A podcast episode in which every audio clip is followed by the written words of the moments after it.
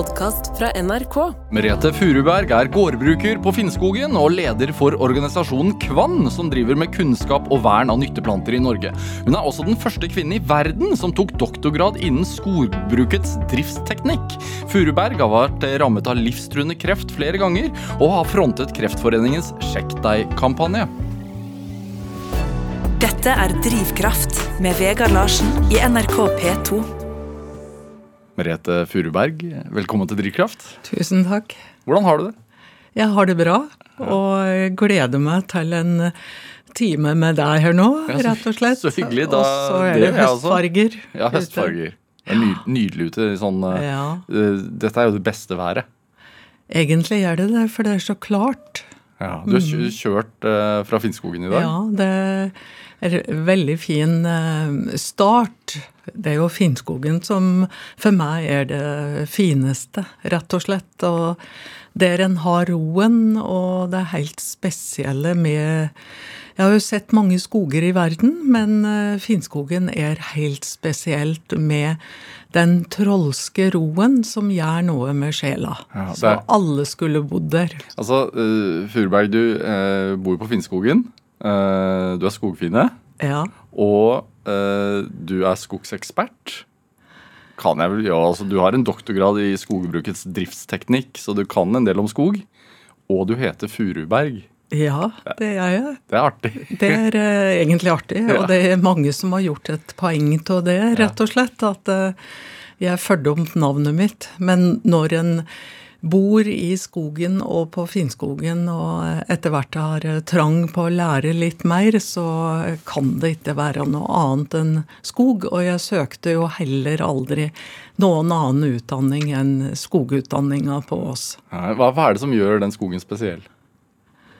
Eh, Det er eh, naturen i seg sjøl som eh, innehar så mange forskjellige grønnfarger.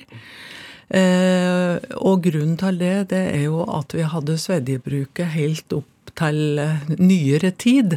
Det har vært svedjing eh, ellers i verden òg, men slutte med det mye tidligere enn det det ble gjort innenfor det skogfinske området. Hva er svedjebruk? Og det er å brenne ned skog, og så noe som kalles svedjerog, eller finnerog er et annet navn på det.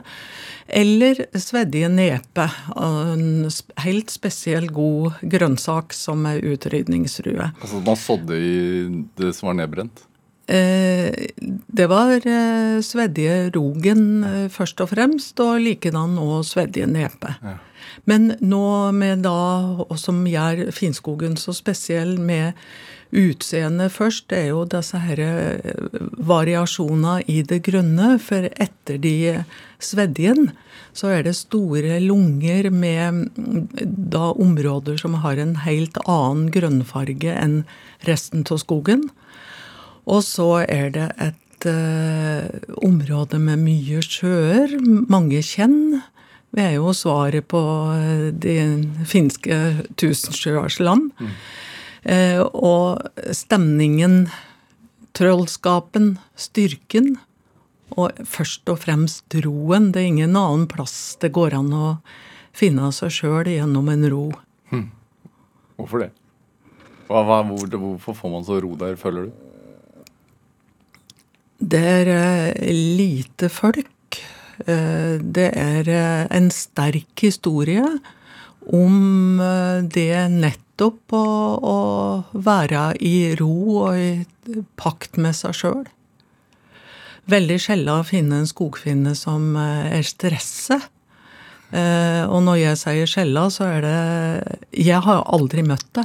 Men det kan jo hende at det, finnes, det, kan jo hende at det finnes. Det er forskeren som, som, Jo, det som blir det. alltid har et uh, men. Ja, det blir det. En blir ikke påståelig når han har arbeidet så lenge i forskning som jeg har. Er det eh, På hjemmesiden din eh, så, så beskriver du også Finnskogen som mystisk. Jo, vi er det mystiske området, eh, og det ble kanskje skapt av det svenske og norske området ved at språket var vanskelig. Skogfinna hadde helt spesielt leveskikk og ble kalt mystiske. Men samtidig så er jo da eh, vår skogfinske kultur har jo mye med seg og i seg som bærer med nettopp det mystiske og, og bruker det. Hva, da, for eksempel? En ting er dette her med å stemme blod, som er mystisk, men eh, Stemme blod? eh, Ja, få blod til å stoppe. Men først og fremst det kanskje å være såpass i eh, kontakt med seg sjøl og naturen at du kan eh, Jeg brukte det sjøl når jeg hadde cellegift og prøvde å føre gifta nettopp til svulsten og ikke til ellers i kroppen, og brukte mye og tenkte her er det, og kan vi fra det skogfinske? eh, Med myter og eh, har tak i naturen og, og kan styre noe som er, ja, mys mystisk. Og hadde jeg klart å forklare det, da hadde det ikke vært mystisk. Nei, men, men Furuberg, få blodet til å stoppe, hva, hva, hva handler det om? Å stemme blod, som det blir sagt, det er jo at eh, enkelte folkeslag vil kunne klare det. Eh, Og i vår skogfinske kultur så er det jo det at vi klarer å stoppe blod ved å å lese noen spesielle finske, eh, skogfinske regler. Ja, Men hva skjer da? Blodet stopper. Ja. altså, man dauer? Nei. Eh, når du blør, når du har skadet Å, deg. når du Ja. skader deg, ja. Hæ, Kan du de reglene? Ja, i- ikke slik at det, det er bra å si det. Nei, ok. Man vet ikke hva det kan føre til. Nei, nettopp. Ja, det er best å la være. Dette er Drivkraft med Vegard Larsen i NRK P2. Og i dag er eh, gårdbruker eh, Merete Furuberg her hos meg i Drivkraft på NRK P2. Altså, eh, Merete Furuberg, du har jo en lang akademisk karriere bak deg innenfor skogsdrift. Altså, du har vært leder i, Bonde- og småbrukarlaget flere ganger. Du har vært politisk aktiv i mange, mange år. Sitter jo i styrer og stell. Men, men i mars i år så ble du utnevnt til leder for en interessant organisasjon som i hvert fall ikke jeg hadde hørt om før, nemlig Organisasjonen for landets frøsamlere. Ja, vi kan si at det er eh, lettvint. Eh, Kvann. Kvann. Og kvann eh, er jo ikke bare planten kvann, men det er jo forkortelsen for kunnskap og vern om nytteplanter i Norge. Ja. Hva- hva og det om engelske ut, uttrykket er jo 'Norwegian Seed Savers'. Og kort fortalt så er det at vi eh, dyrker eh, spesielt eh, sårbare og trua arter for å kunne dyrke fram og få fram frø, som gjør da at her får en enda flere av dem, og vi deler og bytter frø med hverandre, og får dermed da oppformert truede arter. Hvorfor er det viktig?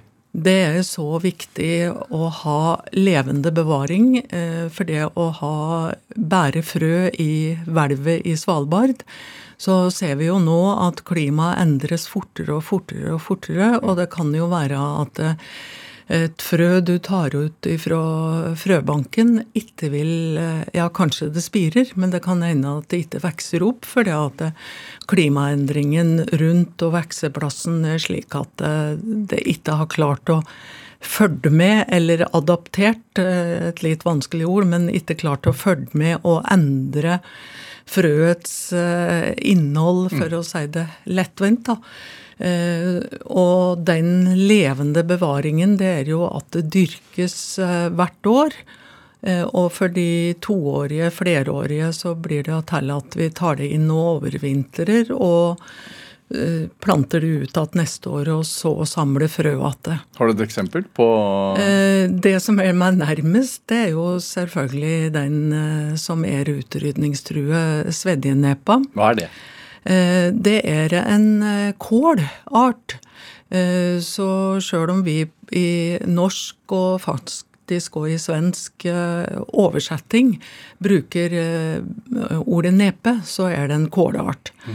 Og den brukte skogfinna og hadde og sådde i når de brant svedjer og brukte i stedet for potisa, eller poteten. Hvordan ser den ut? Eh, den har enten fiolett eller grønn eller gul, og så er den helt sammenklemt flat.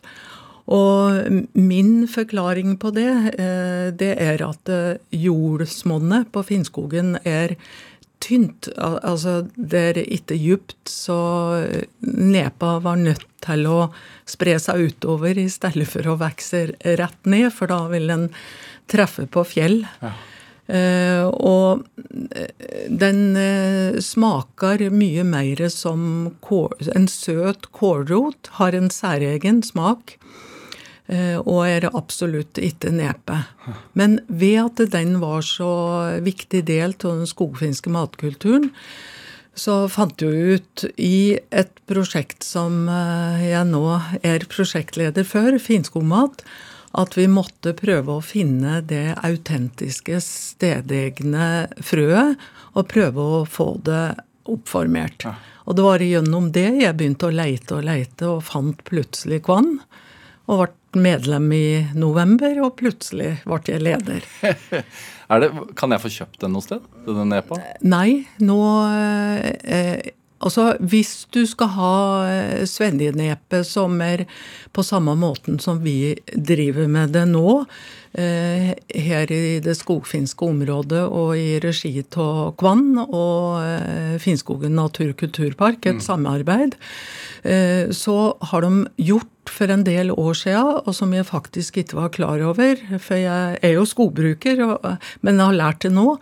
I Finland så har de oppformert eh, den sorten som er av svedjenepet der. Og du kan få kjøpt det der, men da er det ikke den sorten som vi har i vårt skogfinske område. Nei, Og det smaker forskjellig også? Eh, det er jo nyanseforskjeller. Ja. Og spesielt da rundt uh, arveanleggene er det viktig å ivareta. For når uh, den vandrer, og det er jo slik med alle treslag, alle planter og det, når de vandrer, ja. uh, så går jo tida, klimaet endrer seg, og etter hvert så blir det tilpasninger i jeg får kalle det i lettvint i arveanlegget. Ja som gjør da at eh, en eh, varieté, eller til og med en sort, kan da være helt annerledes enn eh, samme arten i en annet geografisk område. Er det den som brukes i den hva heter den? da? Silpo, tenker ja, du på? Silpo, ja. ja, ja som er en slags sånn Skogfinsk uh, materett. Er det en gryterett, eller? Uh, ja, kall det det. en gammeldags gryterett. Men ekte silpo er jo nettopp med den sveddige nepa. Og med flesk og det eh, skal være veldig god rårørt tipper attåt og kokt i mjølk. Ja. Eh, og blir eh, utrolig godt. Og kraftkost? Det blir kjempegodt, rett og slett. Og noen tenker at den forteller innholdet. Dette er jo ikke noe spesielt. Men når du gjør håndverket riktig, så blir det helt spesielt. Hva, hvordan da? Det blir sagt på vår dialekt gørgøtt. det har akkurat vært sånn Silpo-festival, er det ikke? Ja, det har vi akkurat hatt, og med utrolig mange folk. Eh, og det var jo eh, verdenshistorien som vi tar i med kraft, da. Første Silpo-festival. Eh, og hadde jo og mange som var av de matprodusentene på Finnskogen som solgte sine varer. Men hovedsaken av det du skulle ete på stellet, var eh, silpo. Men òg den skogfinske nasjonalretten som vi kaller motti. Hva er det? Eh, det er eh, i Før Svedjerogen ble så sjelden, så var det jo selvfølgelig svedjerog og flesk, fleskefløtt og rårørt tipper. Men etter hvert når svedjerogen eh, ble borte, Den ble funnet igjen litt tidligere enn svedjenepa nå, så nå produseres den igjen, men i liten målestokk. Ja. Men da den ble borte, så er det brukt da eh, rosta tavre. Som kjøpes i, fra Støpa Førskvarn på andre sida av grensen. For vi kjenner jo ikke grensen, vi på Finnskogen. Nei. Nei. Hæ. Og det, det er et samarbeid der også, over grensen, er det ikke det? Så absolutt. På mange områder. Og når vi nå prater om eh, finskog mat, så er jo det på begge sider på grensen. For Finnskogen, det geografiske området, er jo både på norsk og svensk side. Mm. På, I Sverige så er det deler av kommunene Arvika, Eda, Sunne og Torsby. Og på norsk side Trysil, Elverum, eh, Våler, Åsnes, Grue, ja. Kongsvinger, Eidskog. Er det, altså, Du bor på Grue? Jeg bor på Grue Finnskog. Ja. Helt inn mot grensen. Er det, Føler du da nærmere tilknytning til svenskesiden enn f.eks. Oslofolk? Oslo-folk? Å ja. Det gjør en. Og Mamma hadde jo hele livet svensk pass. Var jo bare fra Finnskogen, fra sida av grensen. Det samme var jo farmor. Mm. Og så har søstera mi flyttet til Sverige, og eh, ja, det, Hvis jeg hadde opptelling, så vil jeg nok si at tre fjerdedeler av slekta er på andre sida av grensen. Men veldig mange i Finnskogen. Så vi skiller jo egentlig ikke på norsk og svensk side på, på Finnskogen i så stor grad. Historisk sett, hvorfor, hvorfor dette området? Hva, hva, er, hva, hva, er, det som uh, historisk sett binder dere sammen? Uh, ingen så jo grensen når de kom, eller når vi kom. Mm. Og det er jo flere innvandringsgrunner fra det skogfinske området. Eh, og på 1600-1700-tallet eh, kom vi. Mm -hmm. Og området var jo plukket ut av noe av innvandringen, så var jo området plukket ut ved at det var mye jern i uh, myrmalm. i uh, så det ble bedt om, for de kunne det jo, i Savolox eller i, i Rautalampi, som er oversatt fra finsk, betyr jo jernkjerne. Mm. Uh, og lære uh, svensker om å utvinne jern av myrmalm. Mm. Og så er det jo selvfølgelig med alle vandringer du har i verden. Uh, da som i dag, så er det jo flyktninger. Som eh, var da ikke bare pga.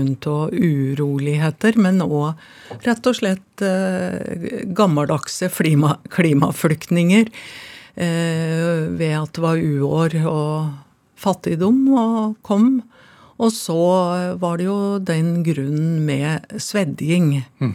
Som da krevde at du hadde nye og nye områder annethvert år. Så eh, noen som jeg har møtt innen skogforskningen, som da beskriver hvordan skog har utviklet seg og ser ut, så er det jo at det, det ble i seg fra Uralfjella. Noen brant seg østover, og noen vestover. Og de som brant seg vestover, har jo da passert Finland og inn i Sverige, Norge. Ja. Og det at det stopper eh, Ja, det stopper jo ikke bare på det som er det geografiske området Finnskogen. For skogfinner har vi, og skogfinn-byggeplasser eh, har vi i Nordmarka. Det er et stort miljø i eh, Buskerud, i Sigdalsområdet. Og så er det oppe i Trøndelag, så det skogfinske er veldig stort. Og har vel i dag eh, Altså, det er en eh, nasjonal minoritet i Norge. Ja, det ble vi i 1998. Hva vil det si? Eh, det vil si at du er eh, spesielt ivaretatt etter eh, lover og regler. Og at du ikke skal kunne utryddes. Så i den bildet med vårt område, eller skogfinner som er i det geografiske området Finnskogen, mm. så er det en veldig konflikt imellom det at vi er en del av ulvesona. Og har òg blitt pålagt at det skal være eh, såkalt ivaretagelse av bjørn og jerv og spesielt ulv da innen vårt område. Mm. Og konflikten da med at eh, vår kultur og den skogfinske kulturen er en minoritetskultur å beskytte.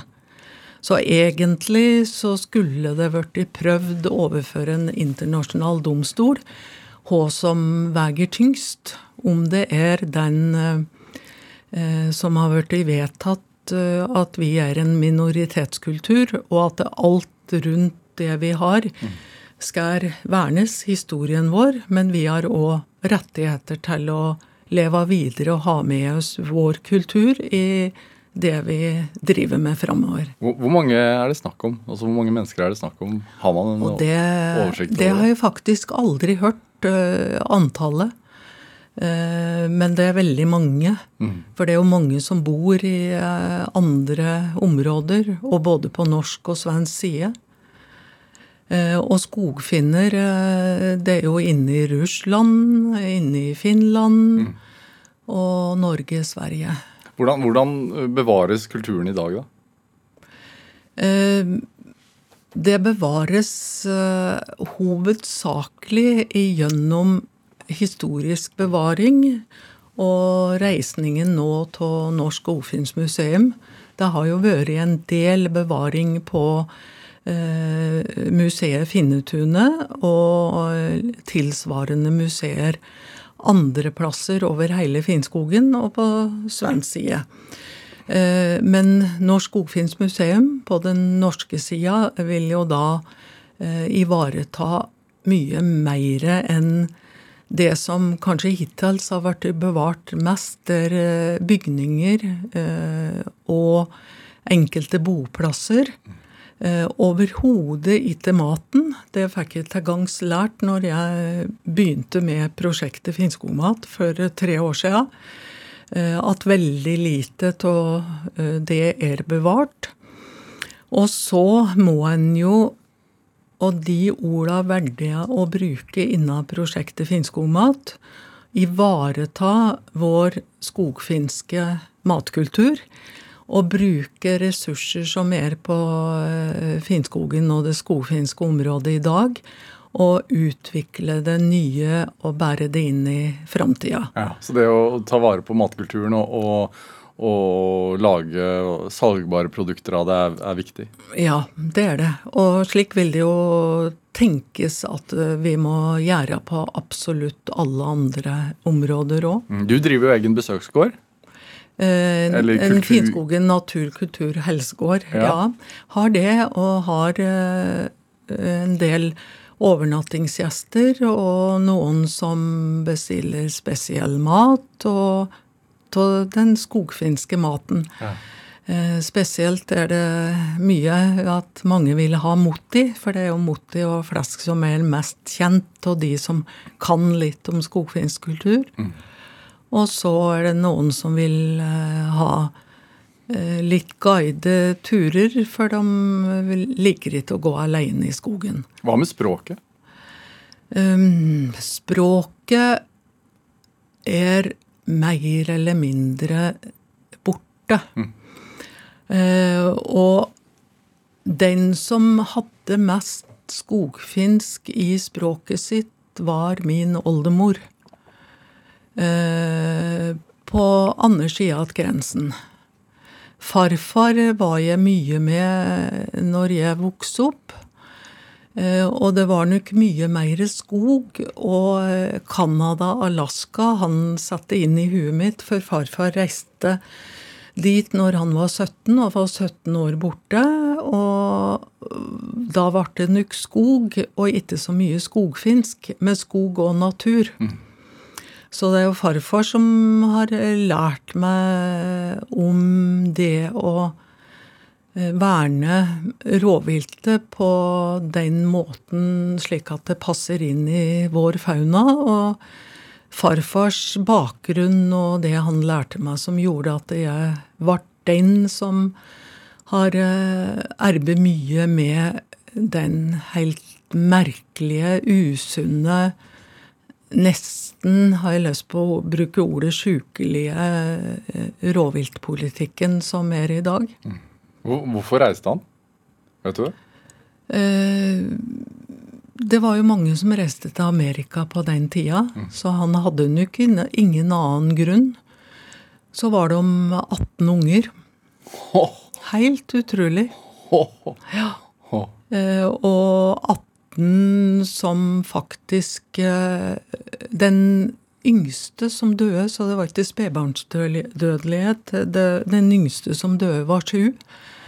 Men eh, så å si alle vokste opp. Wow.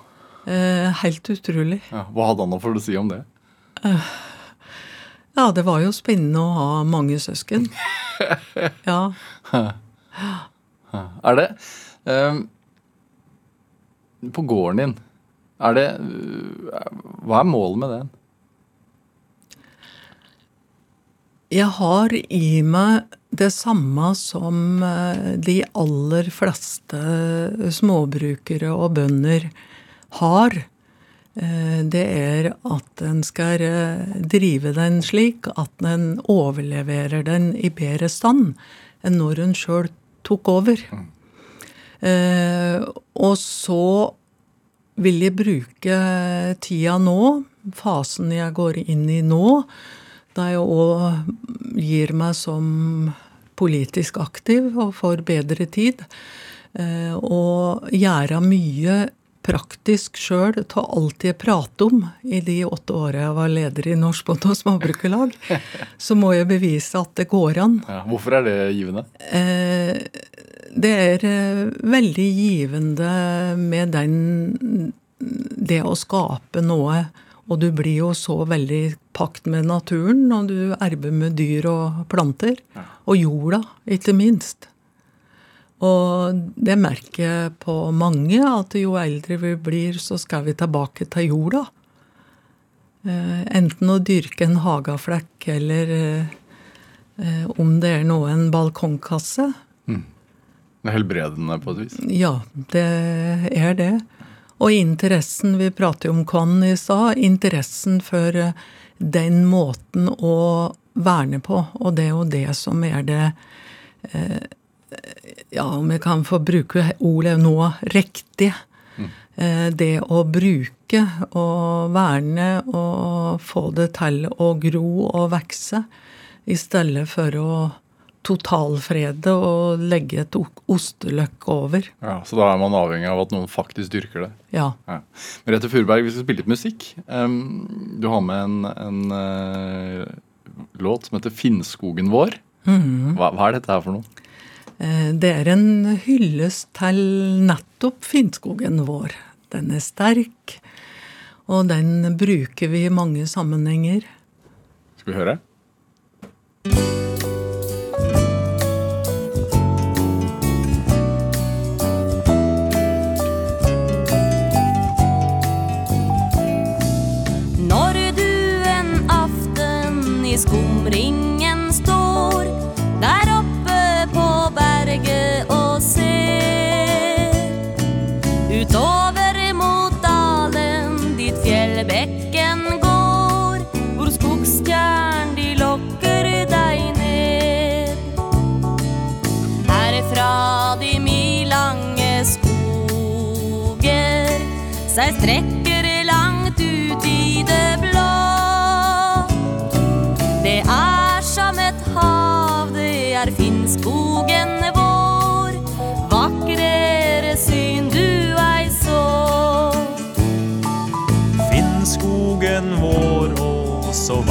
vakker du står. Når løvskog har kledt seg i grønt. Når vår det er blitt, og når heggen står hvit et bilde så storslagen skjønt. Brusende vårsang i skogen og liv i hver busk, i hvert krat. Med fugler skvitter med lek og med dans ut i en lys sommernatt.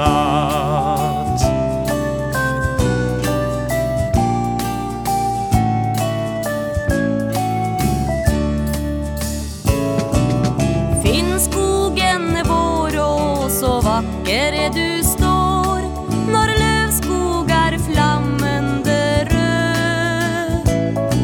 Som skinnende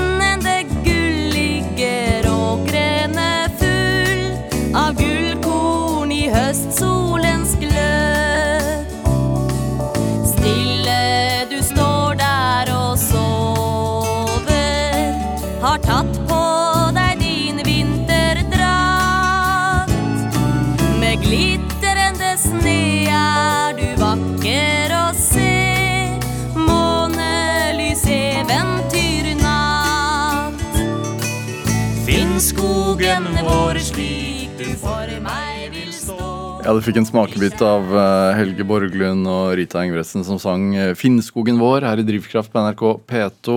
En låt vi spiller i dag eh, fordi at den er valgt av dagens gjest her i Drivkraft. Nemlig gårdbruker og leder for organisasjonen Kvann, Merete Furuberg. Altså, du, du nevnte farfaren din, men, men foreldrene dine, hva gjorde de da du kom til verden? Eh, mamma og pappa drev jo eh, jord- og skogeiendommen hjemme, og På samme sted? på samme stelle. Ja. Ja, det er det. Så den eh, Det er ikke slektsgard i den forstand som vi har i eh, den norske jordbruket, ut ifra at eh, garda vart, eh, og småbruka ble ryddet seint. Og gjerne da på en svedje og stort sett satt opp en badstue. Og så var det tilfeldig at eh, familien, eller nærmeste blodslekta, eh, som er også slekt med Åsta Holt, eh, kom til eh, eiendommen som jeg bor på. Eh, Tippoldefaren min var den som kom på eiendommen hjemme. Hva slo seg ned på et vis?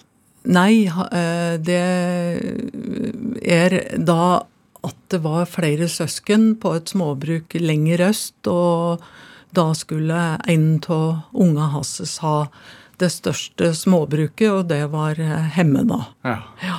Og så har det blitt delt opp og endre før delingsforbudet og, og lovverket i Norge ble slik, da.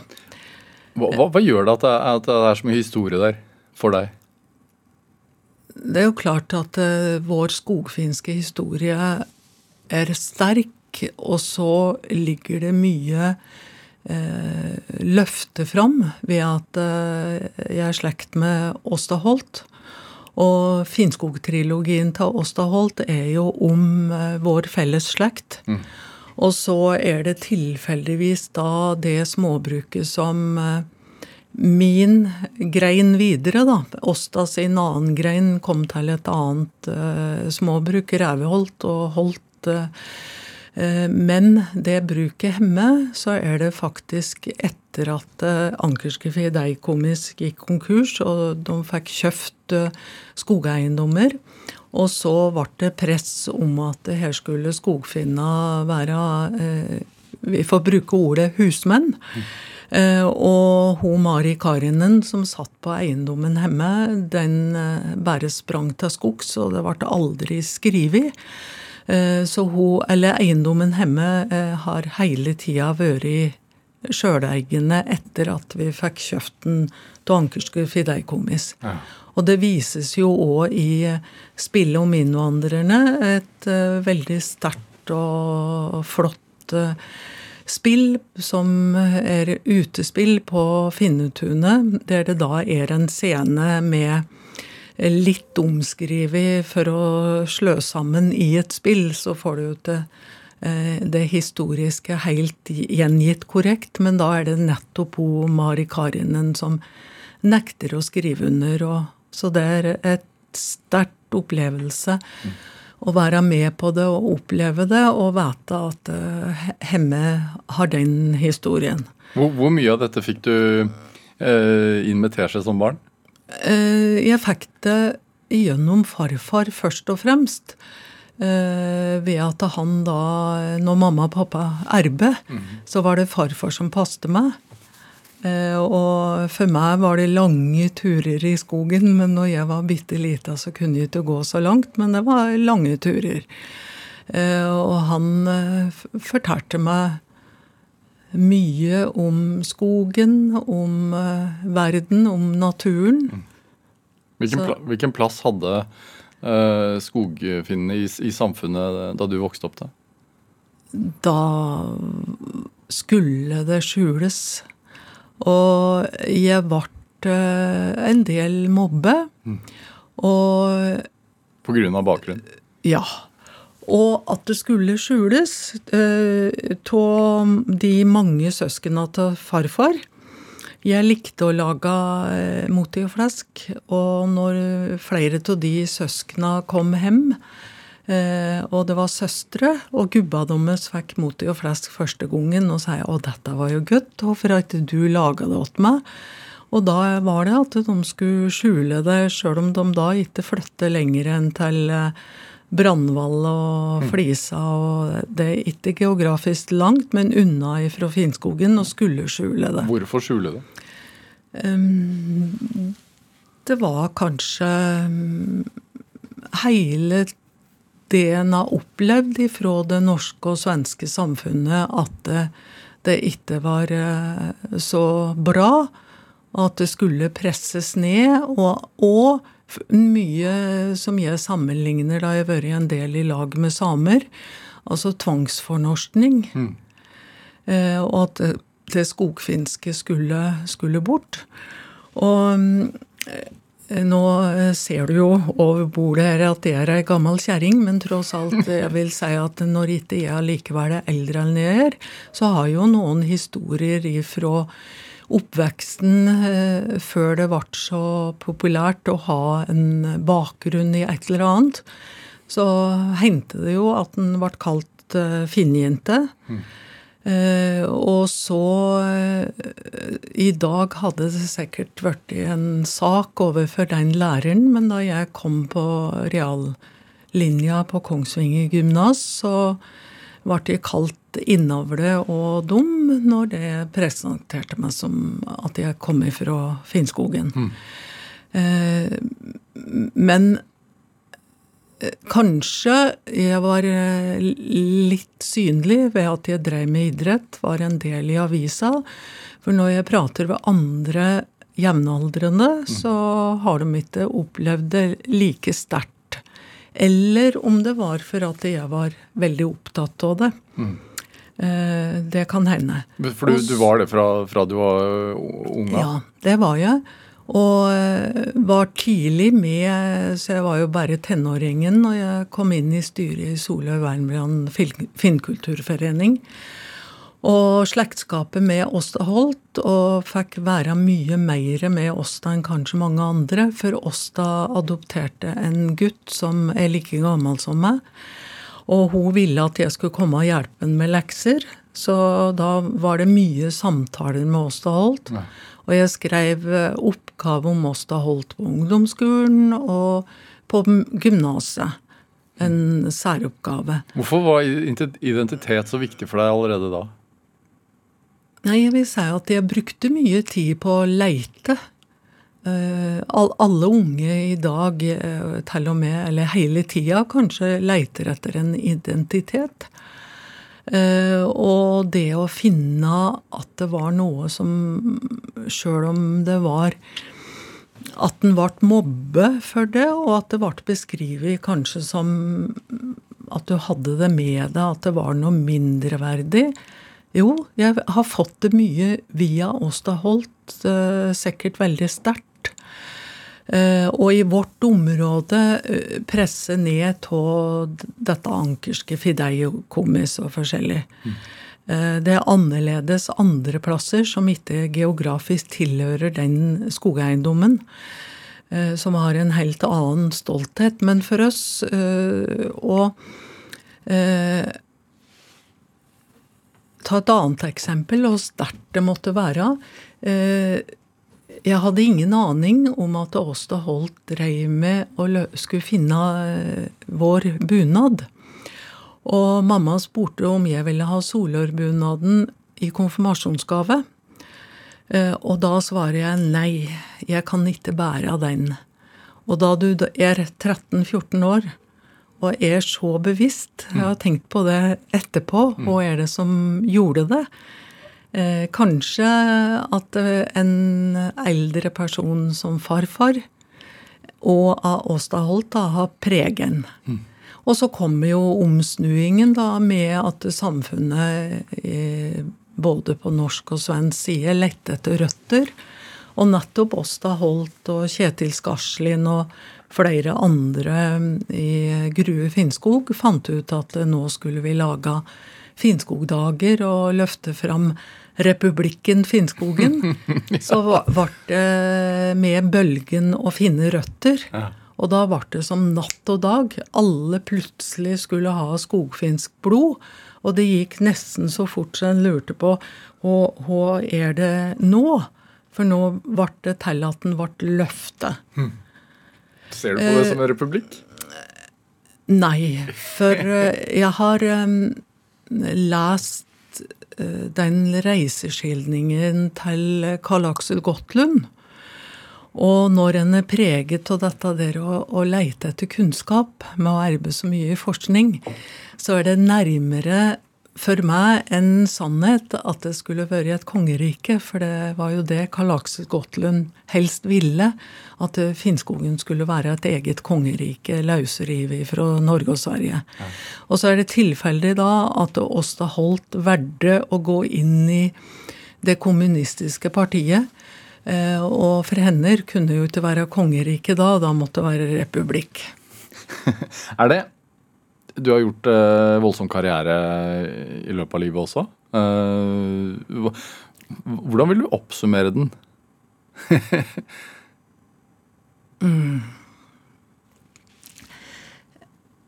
Noen som har beskrevet meg, sier at alt har vært så lystbetont fordi at du har hatt lyst til å arbeide. Uh, og det har jeg.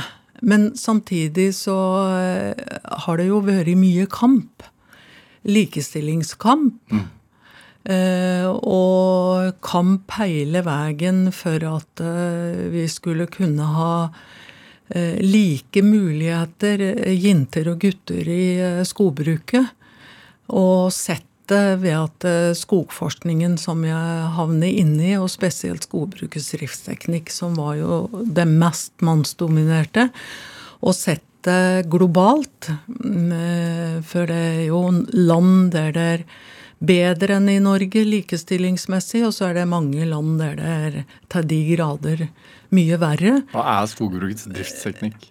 Eh, det er eh, innsats av mennesker og maskiner i alt skoglig virksomhet. Alt du gjør i skogen. Alt ifra at du driver med noe eh, når du sanker frø, til gjennom hele skogens liv til at du avvirker. Mm. Og det ble jo eh, faget mitt. Men det har jo vært kamp med eh, Da jeg gikk på og begynte å være samfunnsaktiv, så hadde jo ikke menn og kvinner eh, lik, juridisk lik odelsrett.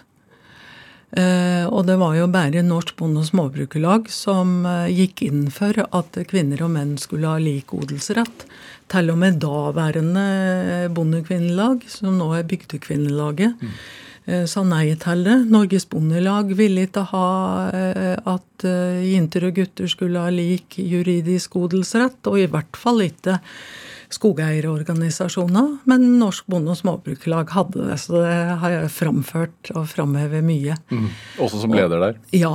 Og så eh, skogbruket eh, er veldig, veldig mannsdominert, og noen har sammenlignet det med kjerka, men ved kjerka så kan du stå med Bibelen i hånden og lese om at uh, den og den og det og det kan ikke ei kvinne gjøre, og slik er det rundt kvinner. Mens det var mye mer bakhånds, bakholdsangrep i, i skogbruket. Mm. Eh, og så har det jo vært igjennom kampen eh, og en kanskje tilfredsstillelse og sløss, har jeg funnet ut litt. Så at noe igjennom å kjempe, så får du jo òg en eh, konsentrasjon. Eh, som gjør at du i større grad kanskje lykkes enn når du seiler inn på det på et sølvfat, for å bruke bildet. Hvor kommer den kampviljen fra? da? Kommer den ifra det skogfinske, at vi er et kjempende folkeslag med sisu og til de grader en vilje for ikke å gi oss. Eh, og så eh, får du jo nesten et slags sjokk som gjør at du får en kamp i det, når du oppdager nettopp det jeg prater om med manglende likestilling. Som var så urettferdig å oppdage det. Du har jo eh, pratet åpent om at du har eh, eh, hatt kreft flere ganger. Ja. Hvor vesentlig har den kampviljen vært da? Eh, den har betydd alt, egentlig. Ja. Eh, Hvor ung og- var du første gang? jeg, det var i 2000, eh, så jeg var såpass som 44 år. For det ble oppdaga da på høsten året før. Og brukte mye av alt en har ifra det skogfinske. Eh, og idretten gjennom det å skulle overleve eh, kreft. Eh, og den siste var jo da Eller det er egentlig samme kreftformen, uten å ha tilbakefall, men det kommer nye kuler. Det er en arvelig genfeil. Og noen påsto at den arvelige genfeilen en har, er en mutasjon langt tilbake, fordi at eh, det ble bevart eh, maten ved å røyke den. Og røyking eh, av mat og det, så kan det føre til noe. Men det er jo ikke mage, eh, Anne. Det er en gen, genfeil, rett og slett. Jeg, eh, det er ikke bevist at det, har noe sammenheng med det. Eh, Men kampviljen for å For jeg var ikke Og jeg regnet ikke ferdig med det jeg skal gjøre her på eh, jorda.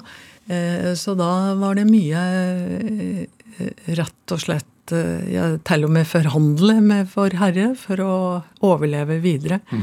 Men det var eh, alvorlig to av sjaua jeg har hatt, og har gjort at eh, en får mye mer sterke krefter etterpå til å ville gjøre en innsats, for en er så takknemlig for å ha fått livet i gave tilbake.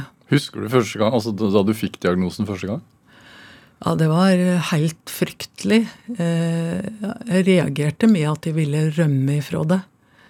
Eh, Og reise forskningen hadde jo gjort at jeg hadde vært i mye, mange andre land. Og hadde jo kolleger i mange andre land som en kunne bare reise til, og så kunne kreftet være igjen i Norge. Det var så irrasjonelt. Helt til det en da fant ut at nei, nå må jeg gå inn i det.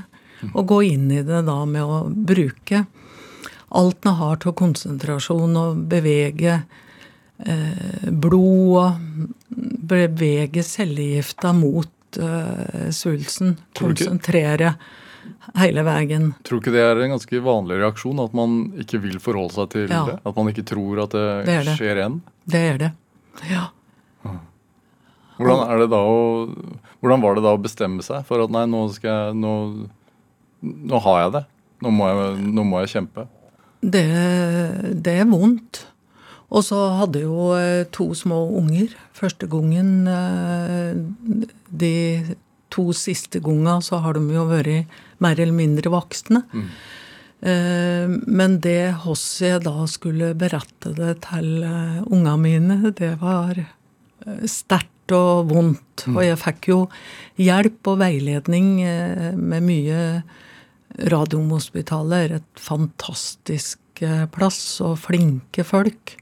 Og Kreftforeningen. Mm. Du var jo, eh, ble jo etter hvert leder for det som den gang het Underlivskreftforeningen.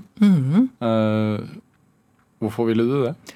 Eh, Jeg gikk i ganga på Radiumhospitalet, og der var det jo bare brosjyrer når det gjaldt kvinnekreft, spesielt på, som en la merke til, brystkreft. Og alt det arbeidet som eh, Wenche Foss hadde gjort rundt det, og løfte det fram, og det var nesten status Og så var det noen opplevelser tå, eh, som jo har med det de visste da, så det var ikke noe galt de ulike lega sa. Men det var jo eh, framheva at det var eh, kvinner som har hatt mange seksualpartnere, og kvinner som spesielt prostituerte, så fikk en del oftere underlivskreft enn andre kvinner. Og det attåt at en ikke så noen brosjyrer over underlivskreft, gjorde at nei, her måtte vi jo gjøre noe, for vi måtte jo ha noe, vi òg. Og vi måtte jo løfte det, og det kan da ikke være slik som det blir sagt, for her er vi jo mange andre som har helt, helt andre uh, yrker eller områder i livet enn å være prostituert. Så dette, nei, vi må gjøre noe med det. Rett og slett en mangel på, på forskning på kvinnehelse, da? Så, jo, sånn som jo, vi ser jo, dag. Og ja, og spesielt underlivskreft. Ja. For kreft er jo tabu, og underlivet er jo enda mer tabu. Ja. Og heldigvis så var det to damer fra Årnes som hadde òg løftet fram det samme, og vi i fellesskap bygde Underlivskreftforeningen. Og så gikk inn og hadde det òg med, for jeg var jo politisk aktiv. Mm. Og heldigvis kjente jo noen av de som har vært helseministre gjennom tida nå.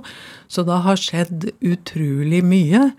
Eh, takket være at eh, de mange dyktige kreftoverlevere av underlivskreftdamer har løfte det fram. Mm. Så også en kvinnesak rett og slett for deg, da? Jo, det ble det. Så absolutt. Hvordan er det da i dag for deg da å se på at det du startet den gang, eh, i dag har også resultert i, i f.eks. sånn Sjekk deg-kampanjen, som du ja. også selv har frontet, ja. og, og ja. at man har fått mye, veldig mye mer fokus på, på dette her? Ja, og bevist eh, i tillegg da at mye av dette her som var så forferdelig Eh, sagt at det ikke stemmer. Mm. Det er jo sånn Jeg må nesten nå så jeg begynner å grine her framme av det her. For det er så sterkt. Det er så innmari sterkt. Mm. Hvorfor blir du bevega? Det er å hjelpe andre kvinner til å overleve. Ja. Eh, alt jeg har gjort med å stå fram. Og velge å være med og holde foredrag, velge å være med på ulike aktiviteter. Mm. Sjøl om du da åpner veldig mye som er tabu, så veit jeg eh, For det kommer jo så mye henvendelser etterpå med at du tør. Og kom på nå Wenche eh, Foss var jo det forbildet, den som gjorde så mye for brystkreftkvinner. Mm. Eh, jeg vil ikke nevne navn, men det er jo flere som er minst like berømt som Wenche Foss, som har hatt underlivskreft, og som etter litt betenkningstid valgte å si nei vi kan ikke gå offentlig ut og fronte det på samme måte som brystkreft. Fordi at det var stigmatiserende? Yes. Ja. Eh, og det har vi ikke krefter til. Så da ble på mange måter vi som dreiv med det på et mer ukjent plan, så eh, ble det ikke løftet fram like mye som at du, du får en type av lav enkefoss. Ja. Føler du en for hver, for hver uh, unge dame som tar en livmorhalsprøve, føler du en slags stolthet? Ja, det gjør jeg absolutt. Og ved at vi har vært mange av det òg, så er det så mange som skal ære for det. Eh, og mye har en jo eh, ikke blitt ferdig med. Jeg velger å ikke bruke ordet 'mislykkes' med. Men virkelig å ha følt at den har vært med å lykkes, mm. så er det mye innafor det med underlivskreft og eh, kvinnehelse. Sjøl om det gjenstår mye. Men når det da var så langt tilbake, og vi er der vi er i dag, så vil jeg kalle det å lykkes. Mm. Det er jo fantastisk å tenke på at du gjennom din tid har eh, opplevd det at uh, skogfinnene har fått den anerkjennelsen de fortjener og, og blitt uh, en minoritet, og, og at underlivet ikke lenger er tabu? Det er utrolig. Det er jo når en er en dråpe i havet, så begynner havet å virkelig bli bølger. Ja. Så mange små dråper, og jeg har vært en små dråpe oppi det hele som har gjort at eh, bølgen i havet bølger videre. Ja. Er det også en slags drivkraft? Ja, det er det. Ja. Merete Furuberg, eh, tusen, tusen takk for at du kom hit til Drivkraft. Hvis du skal lage en sånn finnskog eller en skogfinnerrett, hva skal man lage da? Da må du lage asyl på. Men da må man jo finne de nepene, da. Ja, men det går an å gjøre det mer moderne og bruke òg poteter. Potisa. Da er det en oppfordring. Merete Furuberg, tusen takk for at du kom til Drivkraft. Hør eh, flere samtaler i Drivkraft på nrk.no eller i appen eh, NRK Radio. Send oss ris eller ros, og også tips til mennesker som du mener har drivkraft. Send den e-posten til drivkraft, eh, krøllalfa, nrk.no. Vi hører veldig gjerne fra deg. Produsent i dag det var Kjartan Aarsand, mens eh, Olav Tessem Widsvang bidro med research til denne sendingen. Men dette, dette var Drivkraft. Jeg heter Vega Larsen. Vi høres. Du har hørt en podkast fra NRK.